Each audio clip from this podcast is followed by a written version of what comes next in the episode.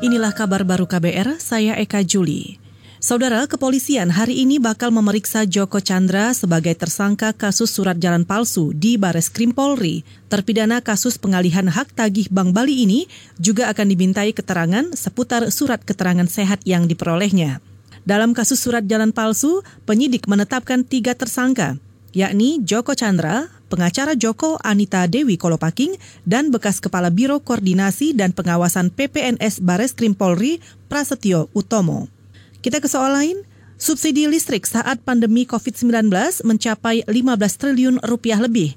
Dirjen Ketenaga Listrikan Kementerian Energi dan Sumber Daya Mineral Rida Mulyana mengatakan, subsidi itu dinikmati tak kurang dari 33 juta pelanggan PLN, terdiri dari rumah tangga, sektor usaha dan industri. Selain itu, ada satu jutaan pelanggan yang mendapat stimulus berupa pembebasan energi minum dan biaya beban jumlah pelanggan PLN yang e, dibantu melalui tiga program stimulus ini, baik itu rumah tangga, baik itu UMKM maupun bisnis dan industri yang lebih besar, termasuk sektor sosial, itu tercatat kurang lebih ada 33,64 juta pelanggan PLN. Dirjen Ketenaga Listrikan Kementerian Energi dan Sumber Daya Mineral Rida Mulyana menambahkan, stimulus itu diberikan sejak April hingga Desember mendatang.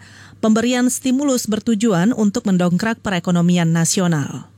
Saudara, pemerintah menetapkan 21 Agustus Jumat ini sebagai cuti bersama atau tepat sehari setelah Hari Libur Nasional Tahun Baru Islam 1442 Hijriah yang jatuh pada Kamis esok. Hal itu tertuang dalam keputusan Presiden nomor 17 dan dikonfirmasi oleh Menteri Sekretaris Negara Pratikno. Dengan keputusan ini, aparatur sipil negara atau ASN bakal mendapat libur panjang selama empat hari sejak Kamis esok. Kita ke mancanegara, Partai Demokrat Amerika Serikat resmi menetapkan Joe Biden sebagai calon presiden untuk menantang petahana Donald Trump. Dikutip dari CNN, Keputusan itu diambil melalui pemungutan suara dalam konvensi Demokrat yang digelar virtual pada Selasa waktu setempat. Biden menyebut mendapat dukungan suara dari seluruh 50 negara bagian dan tujuh wilayah. Sebenarnya penetapan ini hanya formalitas karena bekas wakil Presiden Obama ini sudah dimenangkan hampir 4.000 suara mayoritas delegasi Demokrat pada Juni lalu. Joe Biden juga mengumumkan senator perempuan keturunan India, Kamala Harris, sebagai pendampingnya. Saudara demikian kabar baru, saya Eka Juli.